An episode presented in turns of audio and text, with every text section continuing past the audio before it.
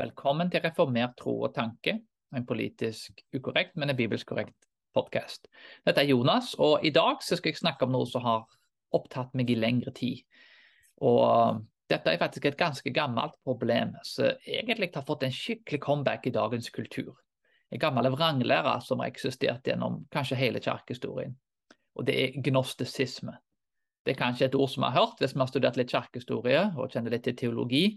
Men jeg vil faktisk si at gnostisismen i dag er kanskje den, igjen, nok en gang den største trusselen som kirka har hatt.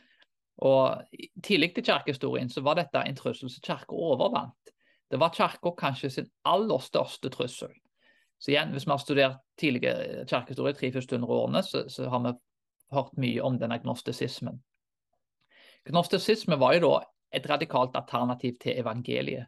Det var en måte å finne frelse i oss sjøl, og ikke Jesus Kristus. Gnostisismen hadde faktisk til og med en egen avgud som heter Abrakas. Og gnostisismen fornekta godheten da, til skaperen og gitt æren da, til skapelsen. Den fornekta inkarnasjonen, oppstandelsen og nødvendigheten da, for frelse.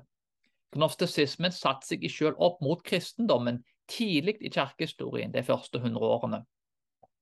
I dag er gnostisismen har, altså har gnostisismen nok, nok en gang gjennomsyra verden.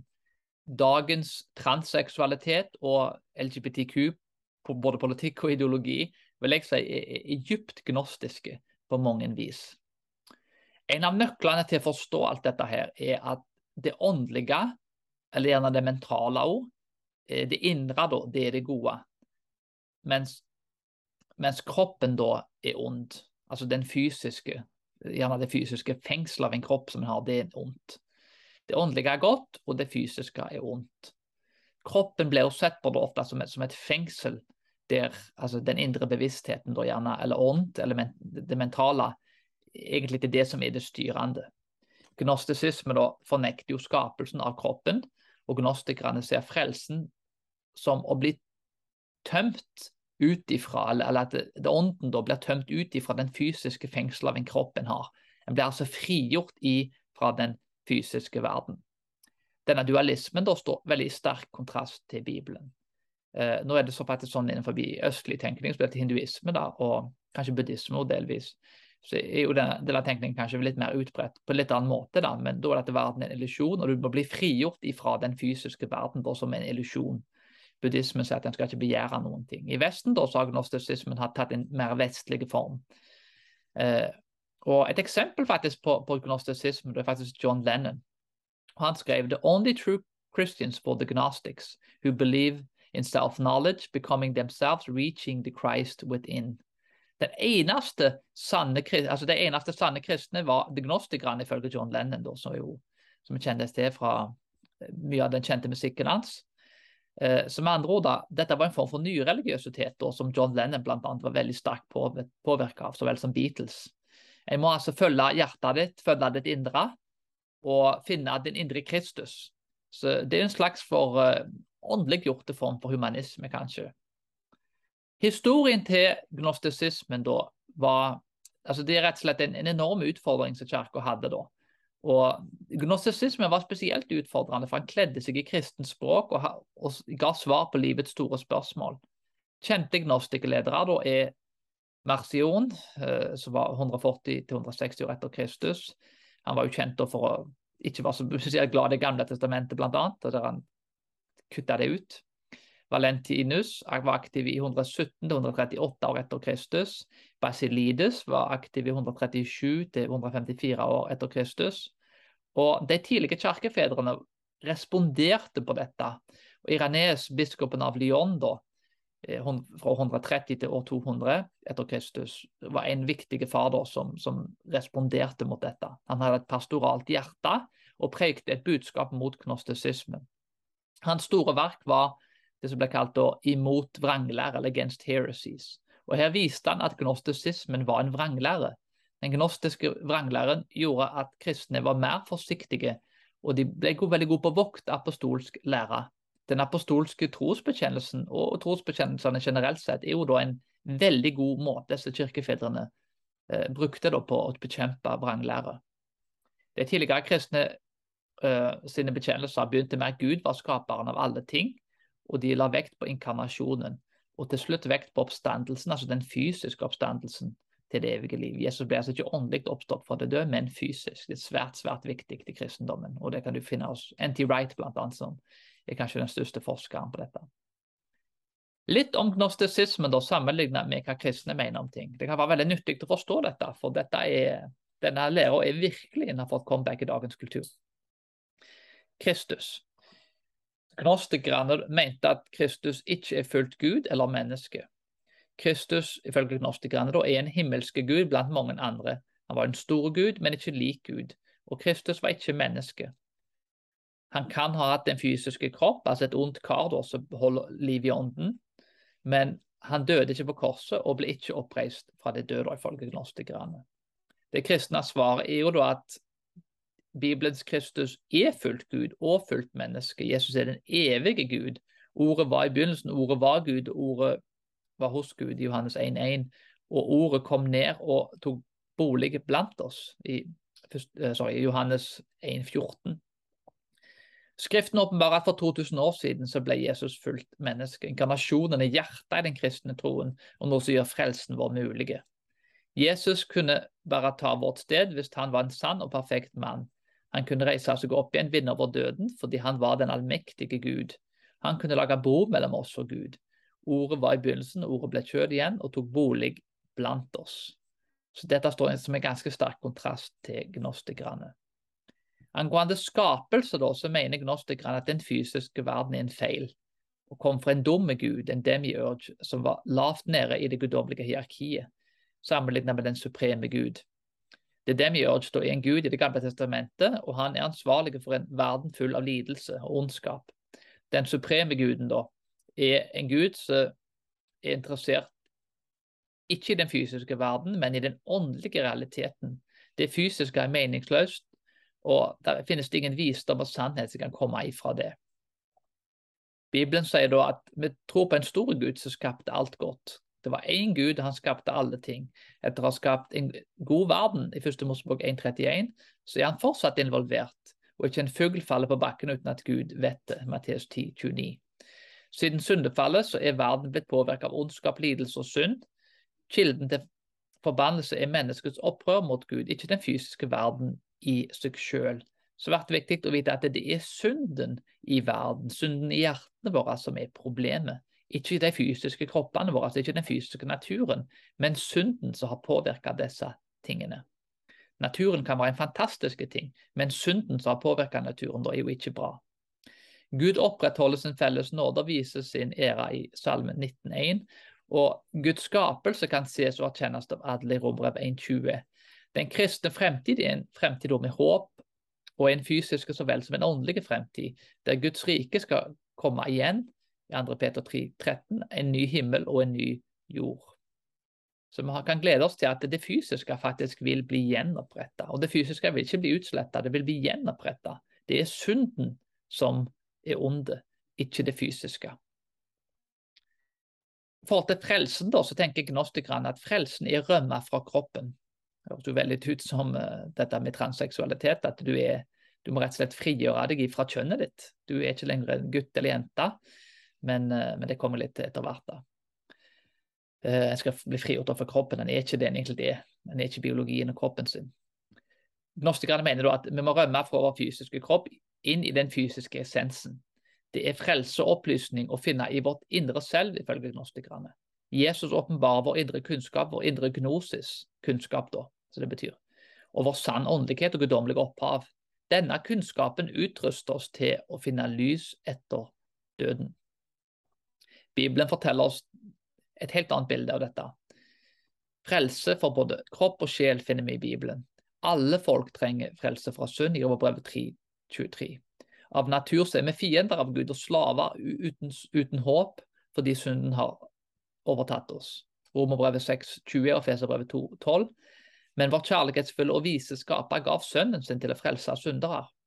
Gud ga sitt liv gjennom Jesus perfekte liv, sitt offer og det å frelse syndere for alle som stoler på han. Romere 5, 19, 8-1.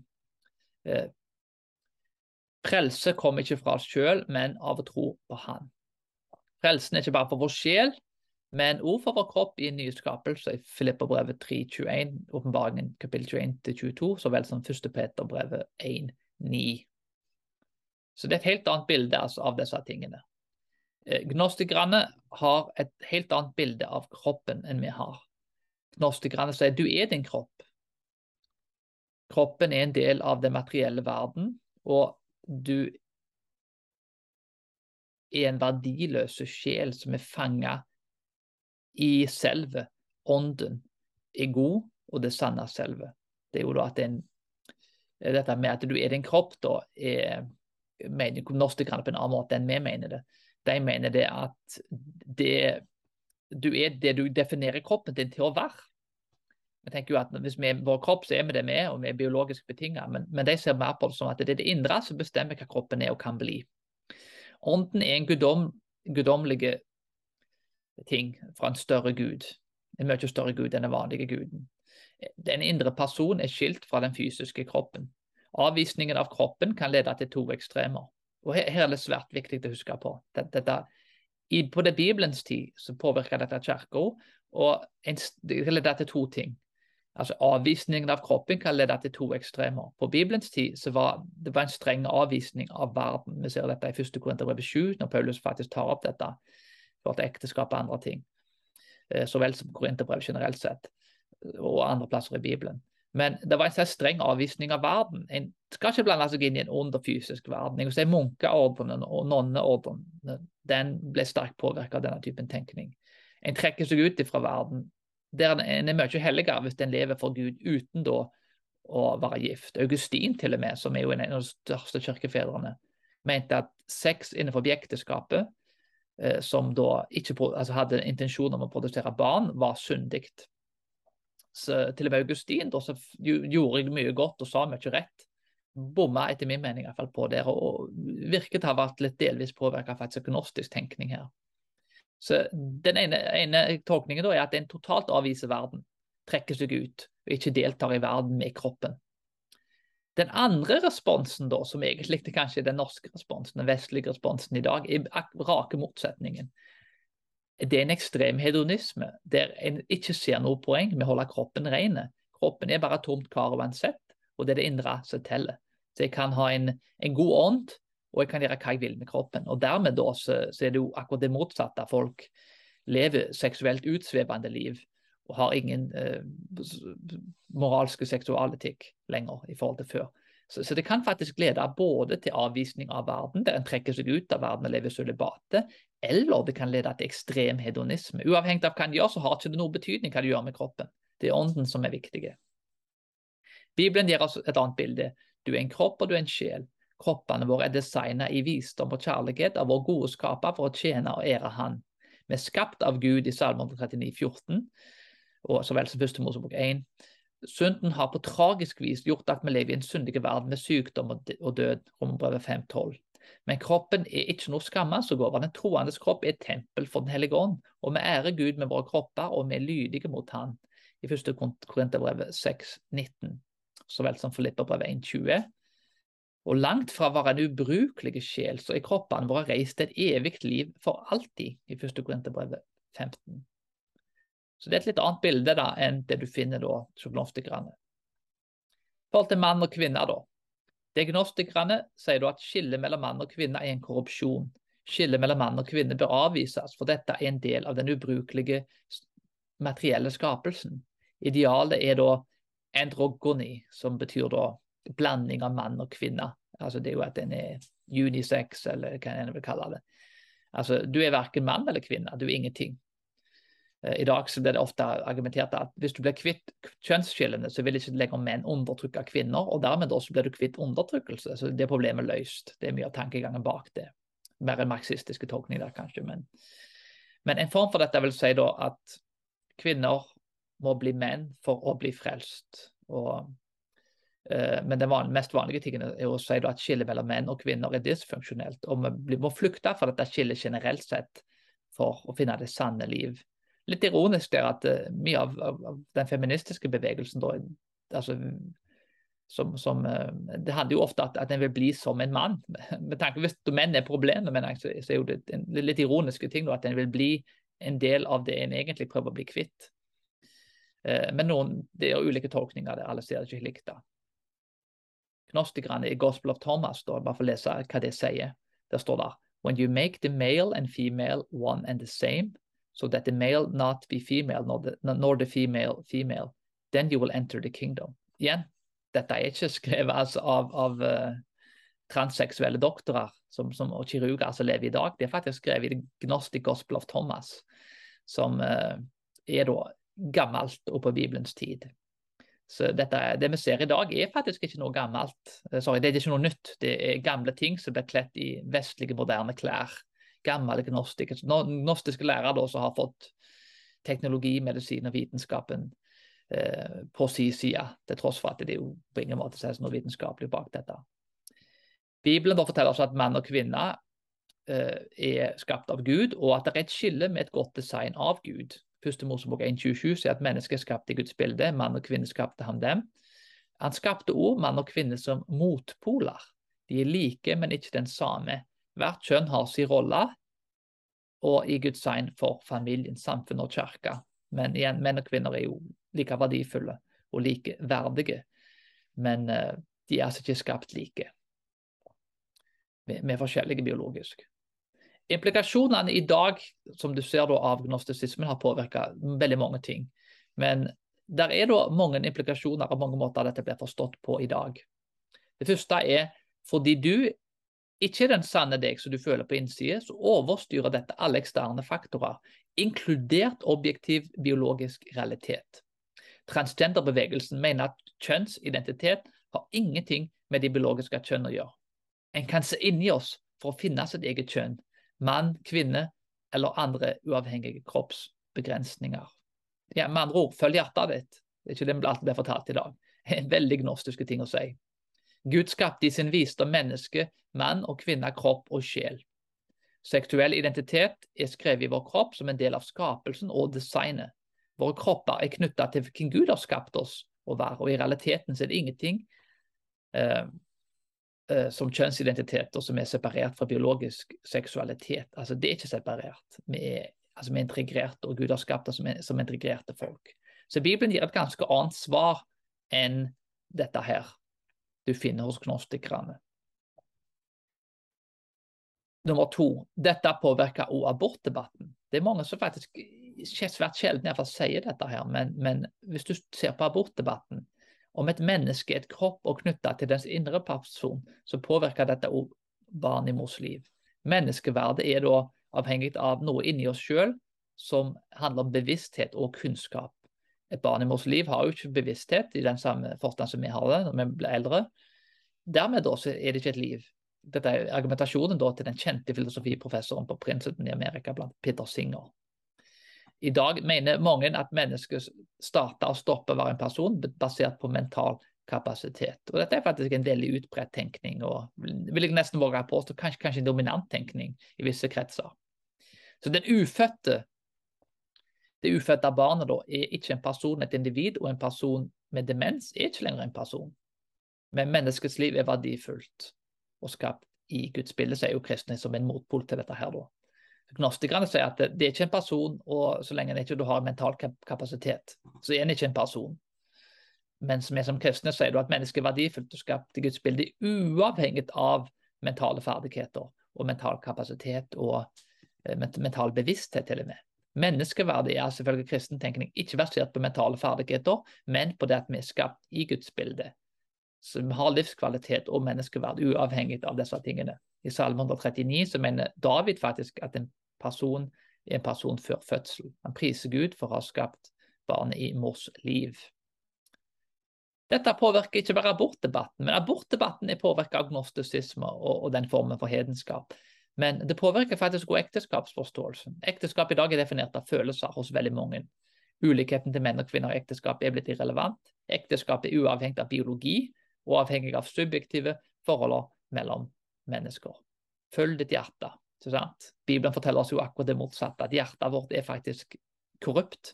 Og hjertet til mennesket er en blanding av godt og ondt. Vi kan utrette gode ting. Om en er kristen eller ikke kristen, så har en et valg å gjøre gode ting. Men, men hjertet er påvirket av syndo. Så derimot så kan vi ikke stole på hjertet vårt. det er vel bedre faktisk å stole på fornuften enn på hjertet. Men aller viktigst er det å stole på Gud gjennom Skriften. Den gnostiske forståelse at det indre mennesket blir over den fysiske realiteten. Eh, ekteskapet er da foranderlig. Det er et likekjønnet ekteskap som et resultat av dette. Men Gud har skapt ekteskapet, ifølge Bibelen. Og det går tilbake til skapelsen og skaper ordenen. Mann og kvinne er grunnlaget for ekteskapet og definerende for familie og samfunn. Ekteskapet mellom mann og kvinne er et rammeverk der kjærlighet og barn kan vokse opp i trygge rammer og funksjonalitet. Gud har ekteskapet som et bilde på det åndelige ekteskapet mellom Kristus og kirka. Så måten vi forstår ekteskapet på i dag, med, med likekjønnet ekteskap, er faktisk en veldig gnostiske ting. Følg hjertet ditt. altså, kjær, altså Love is love, ikke si at kjærligheten er størst. Du kan ikke liksom være imot kjærlighet. Det er følelsene til folk som egentlig styrer alt. Fornuften, historien. Eh, ingenting har noe å si utenom at, hva du føler innvendig. Følg det, det, det indre mentale eh, hjertet, og følg personen inni deg det biologiske er totalt irrelevant. Veldig gnostisk. Så gnostisismen har påvirka utrolig mange ting. Gnostisismen er jo faktisk i populærkulturen. Gnostisismen ble avvist av kirka og forsvant. Kirka overvant dette iallfall til en viss grad. I dag, så, så, som jeg har, mener jeg har vist nå, at gnostisismen har fått en skikkelig comeback. Og til og med i nyreligiøs tenkning så har han fått en comeback, men han har også fått en utrolig comeback på andre områder, faktisk i vitenskapen, i medisinen. At en kan nå kappe av kroppsdeler til unge, friske jenter for eksempel, og gutter. At en begynner å skjære av, ta en kniv og begynner å skjære av kroppsdeler. Altså Kirurger bruker kniver eh, med bedøvelse, da. Men, men, altså, det, det, men det, er jo forferdelig at sunne kroppsdeler blir skåret av eh, fordi en da føler seg som noe annet enn den biologiske realiteten og ifølge skaperordenen. Ifølge Da Vinci sin, uh, uh, sin altså Da Browns Da Vinci Code, som er kanskje en film og bøker som noen har lest, der ble det foreslått at de gnostiske evangeliene hadde sannheten om Kristus, og dette ble dekka over av en maktsyke kirke. Så Ideen bak i den filmen er jo litt at de gnostiske evangeliene de har blitt undergravd av en kirke som vil opprettholde makt, makten sin. Så det er sannheten om Kristus vi har falske evangelier. Det gnostiske evangeliet er de sanne evangeliene. Og Det er mange filmer som fremmer denne tanken. Litt om dette å være deg sjøl. Path to fulfillment, som sier Amerika. Følg deg sjøl, følg hjertet ditt, følg drømmene dine. Alt dette her. Og Teologen Alistair McGrath sier i forhold til gnostisismen, han er en veldig kjent teolog på Oxford Chime in with contemporary ideals of self-discovery, self-awareness, self actualization and self salvation, not to mention a dislike of any kind of authority, especially ecclesiastical. Ah, hjelp meg, nå uttalte jeg ordene litt, litt dårlig her. Men uh, altså, det er jo da kirkeautoriteten som han, han, refererer til. Det er kanskje et ord som ikke er så kjent for mange. Men uh, uansett så er det veldig viktig å huske på her at dette med, med å finne seg sjøl være selvbevisste, selvrealisering og selvfrelse. da. Pluss at en er imot alle former for autoritet, og spesielt kirkeautoritet. Dette er gnostisk tenkning. Så Når jeg har gått gjennom alt dette, så, så vil jeg at de som hører på dette, skal spørre seg sjøl Er gnostisismen overalt i det norske samfunnet? Og, og mitt svar på det er jo ja. Jeg mener absolutt at gnostisismen i veldig stor grad har overtatt veldig mange av institusjoner i populærkulturen. Og mye av måten vi tenker på, er hedenske nå, og han er gnostiske. Vi flyter fortsatt på en kristen arv, eh, der både sekulære faktiske artister så vel som kristne da, har kanskje besteforeldre og kanskje også noen foreldre som da har tatt med seg en del kristne ting, i tillegg til, at kirka har påvirket kulturen vår. Så, så, vi tenker jo delvis kristent fortsatt. Men dette er på fullt vei ut. Og vi er i ferd med å se konsekvensen av dette. Og Det er vel egentlig på tide kanskje å begynne å studere dette med gnostisisme. Og En måte som sagt kirkefedrene bekjempa dette på, var faktisk å bruke bibelske og historiske bekjennelser. Altså Det betyr da at den apostolske og nikenske trosbekjennelsen bør etter min mening bare noe som alle kirker bør brukes. Og det bør være noe som barn lærer å memorisere. Noe som var veldig utbredt i store deler av norsk historie. Svært mange unger i norsk historie kunne den apostolske trosbekjennelsen. En del konfirmantundervisning og, og så vel som andre ting. Så igjen, en, en må begynne å utruste seg selv og forsvare seg selv. Og kanskje òg lære opp barnet spesielt å forsvare seg selv. Og memorisere bibelvers og ha med en bekreftelse da, av den bibelske forståelsen av seksualitet og kropp. Gnostisismen har fått sitt comeback, og det er på tide at vi svarer ordentlig på den utfordringen og lærer av kirkefedrene som har gått før oss. Det var alt for i dag. Forhåpentligvis har du blitt mer opplyst om gnostisismen. Jeg har lært utrolig mye om å lage denne episoden. Jeg var faktisk nesten sjokkert når jeg lagde episoden, at jeg fant ut at gnostisismen er jo faktisk egentlig overalt. Han er gjennomsyra hele den vestlige kulturen og er faktisk ja, eh, det er rett og slett blitt mainstream. Det, det er forferdelig å observere det, men det er en realitet. Men uh, det er noe med det at vi, hvis vi skal løse problemet, så må vi være bevisste på hva problemet er.